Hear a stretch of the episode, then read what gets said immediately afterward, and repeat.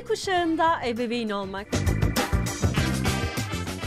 Trakya Üniversitesi Radyo Güne Bakan 106.2 frekanslarında Z kuşağında ebeveyn olmak programıyla tekrar birlikteyiz. Ben uzman çocuk gelişimci Betül Yılmaz. Programımıza geçmeden önce soru, görüş ve önerilerinizi iletebilmeniz adına sizlerle paylaşmak istediğim iletişim bilgilerimiz var. 0284 235 44 41 WhatsApp hattından bizlere ulaşım sağlayabilirsiniz. Programımızı kaçıran, tekrar dinlemek isteyen ya da önermek isteyen dinleyicilerimiz de Radyo Güne Bakan Spotify hesabından bizleri tekrardan dinleyebilirler diyorum. Ve bu haftanın konusu olan anne baba ve çocuk arasındaki iletişim konumuza başlıyorum efendim. Öncelikli olarak iletişim dediğimiz zaman her an her yerde karşımıza çıkan pek çok faktör var. Herkesle iletişim kurabiliyoruz.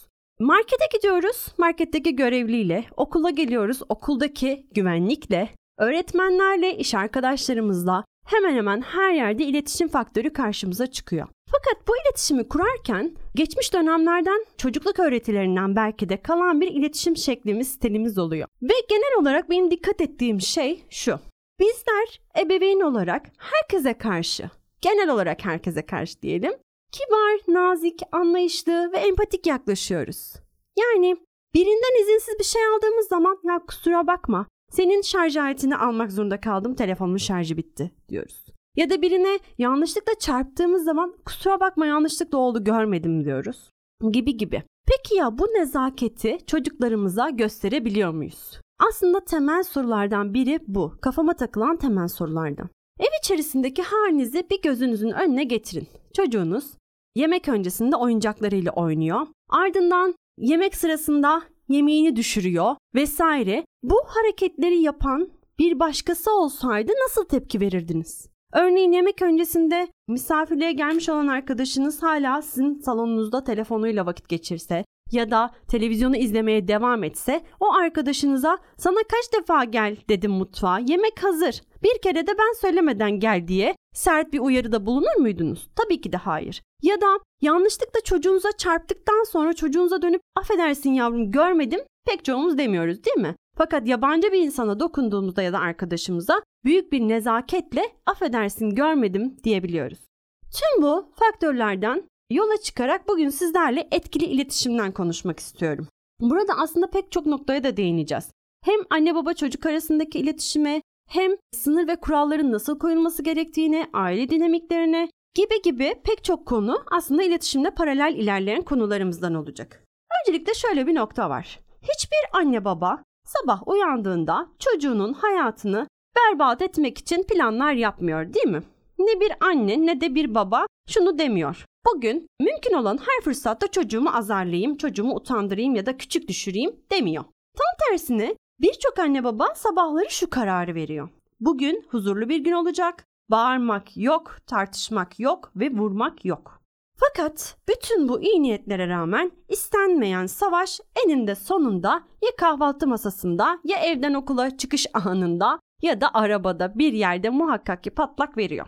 Anne ve babalık karşılıklı görüşmeyi gerektiren sonsuz bir küçük olaylar, periyodik çatışmalar ve ani krizler dizisi. Aslında anne ve babaların her an çözmesi gereken bir kriz ortamı oluşabiliyor. Ya kardeşler arasında ya ebeveynler arasında değil mi? Ve bu çatışmalar genelde belirli aralıklarla tekrar eden, nükseden çatışmalar oluyor. Zaten pek çok ebeveynde de şu var. Bizim hiçbir problemimiz yok ama çok ağır kanlı evden okula çıktığımız zaman çantasını bir türlü hazırlayamıyor. Genel bir kriz durumu ve sürekli tekrar eden bir periyotta. Şimdi burada ebeveynin çocuğuyla yaşadığı bu etkileşimde sorunsuz bir şekilde ilerleyebilmesi için ayrıca çocuğun kişiliğine, mizacına, öz saygısını da olumlu yönde destekleyerek aslında ona saygı duyarak olması gerekeni çocuğa aşılayabilmek için ebeveynlerin çocuklarına doğru iletişim şekliyle doğru adımlar atması gerekli. Bazen yalnızca ruh sağlığı yerinde olmayan ebeveynin çocuğuna zarar verici bir tarzda karşılık vereceği düşünülür. İşte denir ki ya evet ben gayet sağlıklıyım, gayet problem de çözebiliyorum, insani ilişkilerim de çok güzel. Ben güzel bir anne olurum ya da ben iyi bir baba olurum denilebiliyor. Fakat çocukla kurulan iletişim öyle bir şey ki kişilik özellikleriniz bir yana çocuğun sizi zorladığı durumlar, çocuğun sizi içine çektiği kriz anları bunlar çeşitlilik gösterebiliyor ve mizacen belki de karakteristik olarak daha anne ve babalığa yatkın olduğunuzu düşünseniz de bambaşka şeyler yapabiliyorsunuz. Danışanlarımdan genelde şöyle bir dönüt alıyorum. Ya hocam bağırıyorum ama çok pişman oluyorum. Yani uzun bir süre bunun vicdan azabını eritmekle uğraşıyorum. Ve ardından kendimi suçlu hissettiğim için çocuğuma karşı daha izin verici bir tutumda olduğumu fark ediyorum. Burada aslında doğru bir şekilde hayır diyebilen ebeveyn böyle bir kaygı gütmez ya da böyle bir pişmanlık yaşamaz. Neden yaşanıyor bu pişmanlık? İşte buradaki temel problem o an fevri bir şekilde çocuğa belki de yanlış bir ifade ediş yoluyla zarar verici bir şey yaptığımızın, bir olumsuzluk verdiğimizin farkındayız. Bu sebeple maalesef sevgi gösteren ve iyi niyetli ebeveynlerimiz bile zaman zaman çocuklarını suçlayabiliyor, onları ayıplayabiliyor. Onlarla alay edebiliyor, yeri geliyor tehdit ediyor değil mi? Rüşvet veriyor ya da kötü sıfatlar takabiliyor komik olması anlamında cezalandırabiliyor. Genel olarak da vaaz ya da ahlak dersi vermekte genel ebeveyn tutumları arasında. Neden böyle yapıyor peki ebeveynler? Çünkü birçok ebeveyn kelimelerin yıkıcı etkisinin farkında bile değil. Ebeveynler kendi ebeveynlerinden duymak istemedikleri şeyleri söylediklerinin farkına da varıyorlar. Böyle bir iletişim trajedisi içerisinde genellikle etkinin yokluğunda değil, anlayışın yokluğunda ve ayrıca da zekanın yokluğunda değil, bilginin yokluğunda bu tarz durumlar ortaya çıkabiliyor. Pek çok araştırma sonucu bize şu bilgiyi net bir şekilde veriyor.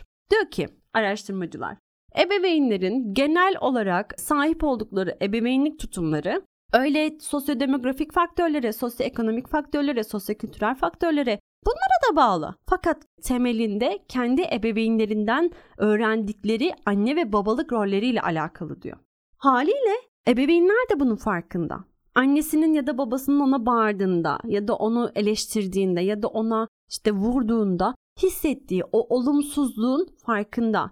Fakat istemsiz bir şekilde bunu çocuğuna yapıyor ve yaptığı zaman da ister istemez durum bir trajedi haline dönüşüyor ve ben kötü bir ebeveyn miyim? Ben nerede yanlış yapıyorum ya da nerede yanlış yaptım? Bu sorular vicdani olarak anne babayı rahatsız eden noktaya geliyor ve danışmanlık almak için pek çok noktada destek arayışı içerisine giriyorlar.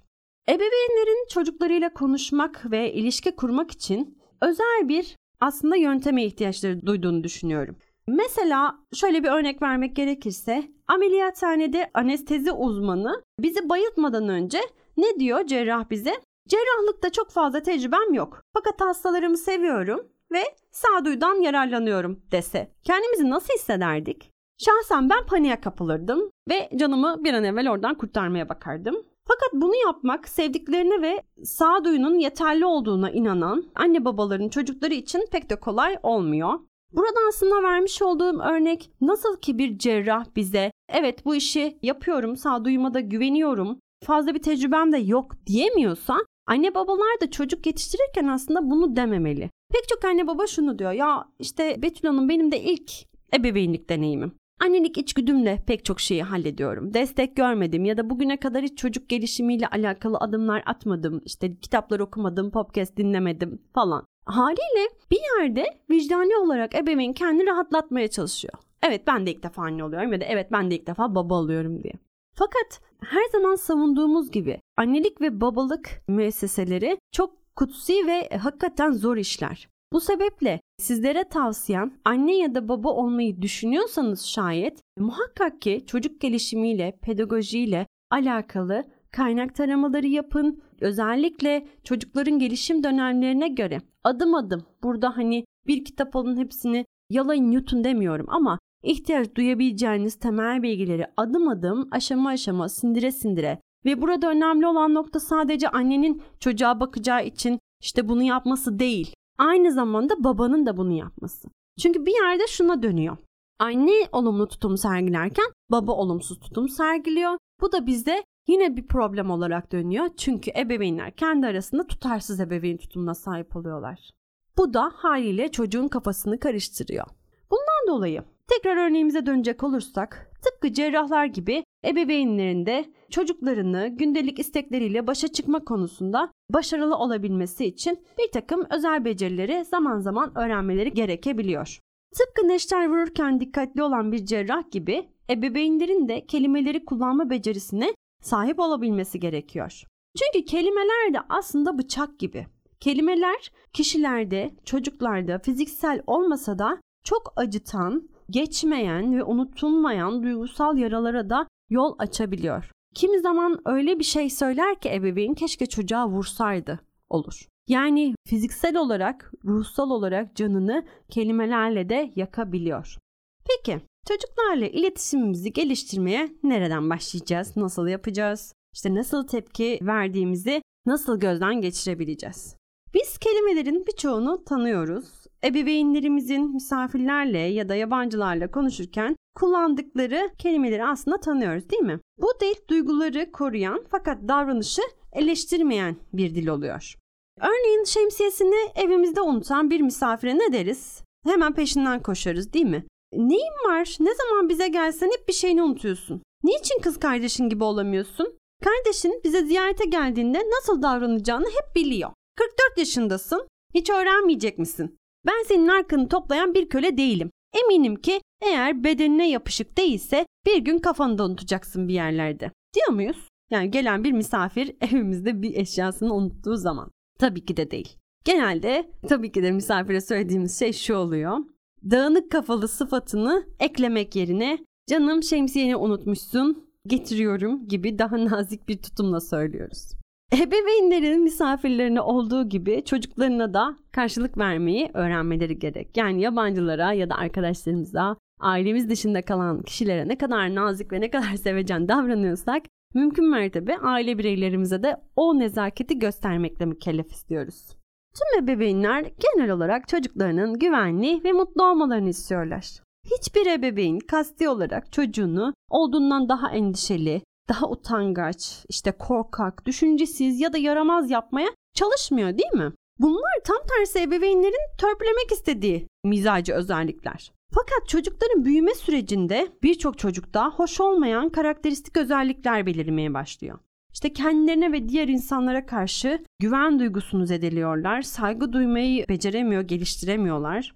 Ebeveynler çocuklarının kibar olmalarını isteseler de çocuklar tam tersi daha kaba, daha dağınık oluyor. Ya da özgüven sahibi olmalarını isteseler de çocuklar kendilerini daha da geri çekiyor, daha içe kapanık olabiliyorlar. Ya da mutlu olmalarını isteseler, onun için her şeyi yapsalar dahi çocuklar genellikle mutlu olmuyor değil mi? Günümüzde çok fazla var. Her şeyi yapıyoruz onun için. Her istediğini alıyor her dediği oyunu oynamaya çalışıyoruz. Babası da ben de işte babaannesi de anneannesi de dedesi de. Hakikaten onun üzerindeyiz. Fakat bir türlü mutlu olduğunu hissedemiyoruz. Yani biz aslında bu dönem çocuklarına müthiş bir doyumsuzluk aşılıyoruz. Doyumsuzlukla beraber de hazzı erteleyebilme becerisini mümkün mertebe çocuklara veremiyoruz. Çocuk bizden bir şey istediğinde direkt onun yapmakla mükellefmişiz gibi davranıyoruz. Onu yapmak zorundaymışız. Onu yaparsak eğer iyi bir ebeveyn olacakmışız içgüdüsüyle çocuk büyütüyoruz. Ebeveynlerin her biri çocuğunun mert olmasını ister, merhametli, sadık, cesaretli bir insan olmasını ister. Hayatında gücünü ve adaletini yönlendirebildiği bir birey olmasını sağlamaya çalışır. Bu insani amaçları gerçekleştirmek için ebeveynlerin insani yöntemleri de öğrenmeleri gerekir. Bu noktada hep diyorum ya ebeveyn olmadan kendinizi geliştirmeniz gerekli ya da ebeveyn olduktan sonra muhakkak ki bir pedagojik eğitime katılın ya da kaynaklar edinin diye. Çünkü burada çocuk yetiştirirken sadece sevgi katiyen yeterli olmuyor. Ve aynı zamanda sezgi de yeterli olmuyor. İyi ebeveynler ustalığa ihtiyaç duyuyorlar. Bu tür bir ustalığı da nasıl edineceklerini, onu nasıl kullanacaklarını, arzu edilen idealleri günlük pratiklere dönüştürmelerine nelerin yardımcı olacağını da dediğim gibi kişisel gelişimle erişebiliyorlar. Aksi takdirde ne sevgi yeterli oluyor ne de sezgileri yeterli oluyor. Çocuğunuzla konuşurken aranızda kurduğunuz iletişimin bir şifresi olduğunu hiç düşündünüz mü? Birçok çocuk kendi kurallarını ve anlam dünyalarını ifade edebilmek için, onlarla konuşabilmek için onların aslında benimsediği sanatı kullanabilmeyi öğrenmemiz gerek. Çocuklar konuşurken kendilerini çok nadir olarak doğrudan ifade ederler. Genelde onların mesajı çözülmesi gereken bir şifre içerir. Bu durumla alakalı geçen okuduğum bir örnek aklıma geldi. Çocuk ebeveynine durup durup şu soruları soruyor. İşte Ankara'da terk edilmiş kaç çocuk var? Daha doğrusu Ankara'nın işte Keçiören semtinde terk edilmiş kaç çocuk var? Ardından işte babası cevaplıyor şu kadar diye.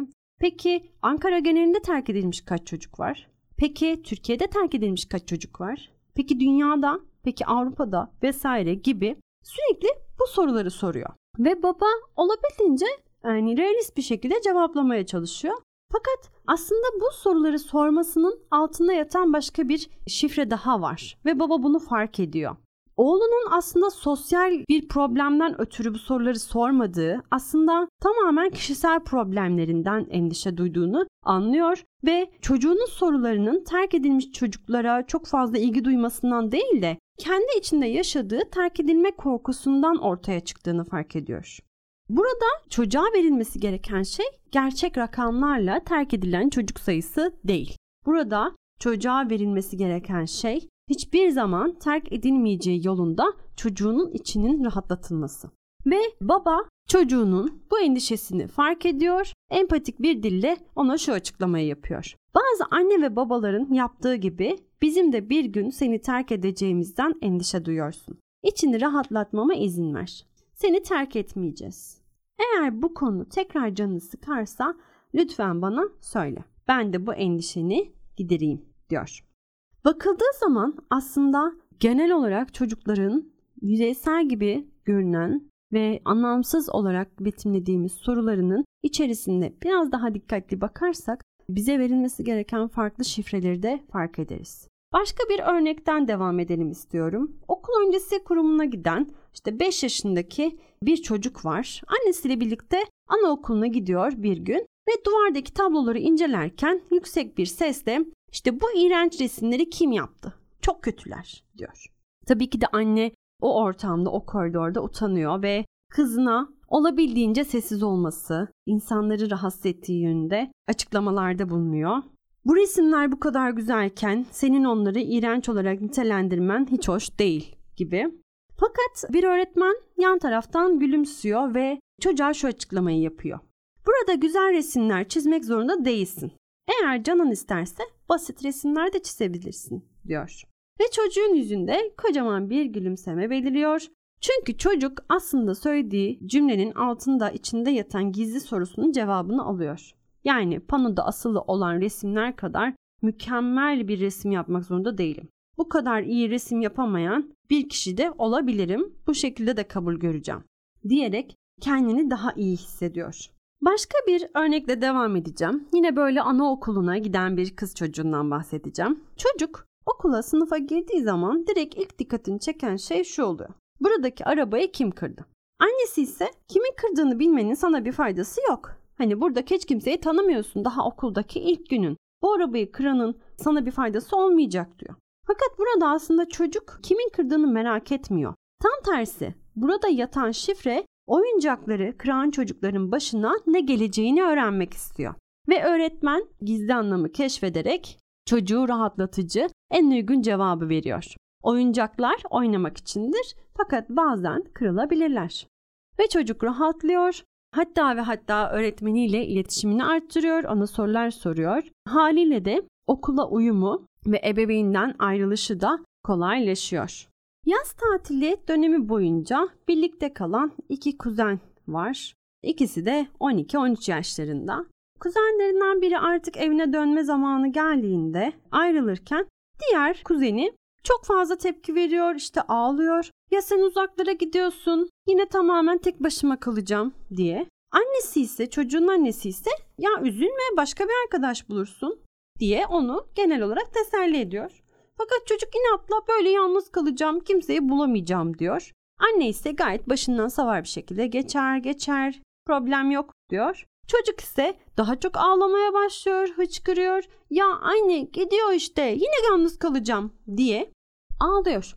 Annenin tepkisi ise 12 yaşına geldin ve hala bebek gibi ağlıyorsun oluyor. Şimdi böyle bir cevapla çocuk nasıl hisseder? Tabii ki de öfkelenir değil mi? Ve konuşmayı sürdürmek ister mi? İstemez. Çocuk da bunu yapıyor zaten. Öfkeleniyor, odasına koşuyor ve kapıyı da arkasından kapatıyor. Peki bu olay daha mutlu bir şekilde nasıl sonuçlanabilirdi? Sorunun kendisi çok ciddi olmasa da değil mi? Aslında normalde çocukların sık sık yaşayabileceği, özellikle küçük yaş çocukların sık sık yaşayabileceği bir problem bu. Arkadaşının gitmesi, akrabasının gitmesi. Fakat burada annesi çocuğun duygularını ciddiye almıyor. Annesi için yaz sonunda yaşanan bir ayrılık, işte ağlamayı gerektirecek kadar önemli bir durum yok. Haliyle annenin verdiği bu tepki empatiden ve sempatiden uzak oluyor. Annesi kendi kendine şöyle diyebilirdi değil mi? Çocuğum üzgün. Ona en iyi yardımı onun acısını anladığımı göstererek yapabilirim. Peki bunu nasıl yapabilirim? Onun duygularını ona yansıtarak yapabilirim. Böylece çocuğun annesi farklı bir senaryoda şu cümleleri kuruyor. Kuzenin olmayınca kendini yapayalnız hissediyorsun öyle mi? Ya da onu şimdiden özlemeye başladın. Ya da onunla beraber olmaya bu kadar alışmışken ayrı kalmak zor geliyor olmalı sana.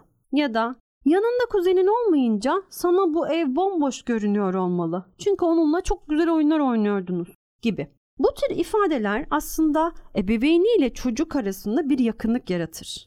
Çocuklar anlaşıldıklarını hissettiklerinde yalnızlıkları ve acıları hafifler. Çocuklar anlaşıldıklarında ebeveynlerine duydukları sevgi derinleşir. Ebeveynin yakınlığı incinmiş duygulara duygusal ilk yardım olarak hizmet görür. Ve bu yüzden çocuğun hislerini samimi olarak kabul ettiğimizde ve hayal kırıklıklarını da dile getirdiğimizde çocuk gerçekler karşısında çok daha dayanıklı hale gelir. Yalnızca çocuklar değil, tanımadığımız insanlar da sıkıntılarını anlayışla ve samimiyetle karşılamamızı takdir ederler.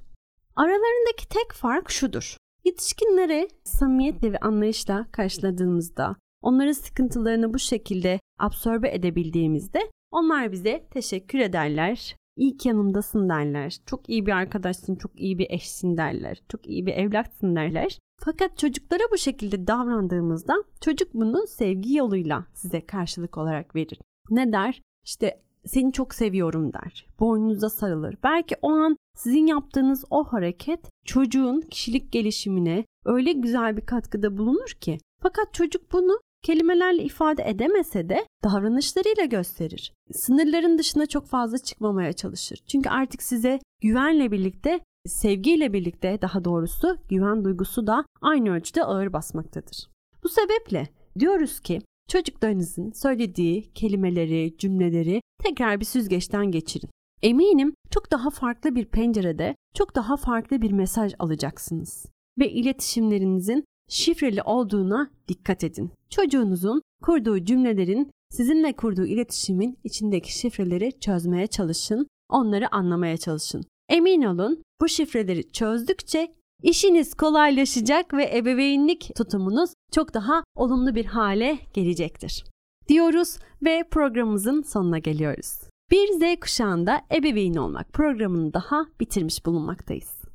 Bir başka günde Perşembe günü saat 2'de Radyo Güne Bakan 106.2 frekanslarında Z kuşağında ebeveyn olmak programıyla görüşmek üzere diyoruz. Hoş kalın, hoşçakalın efendim. Z kuşağında ebeveyn olmak.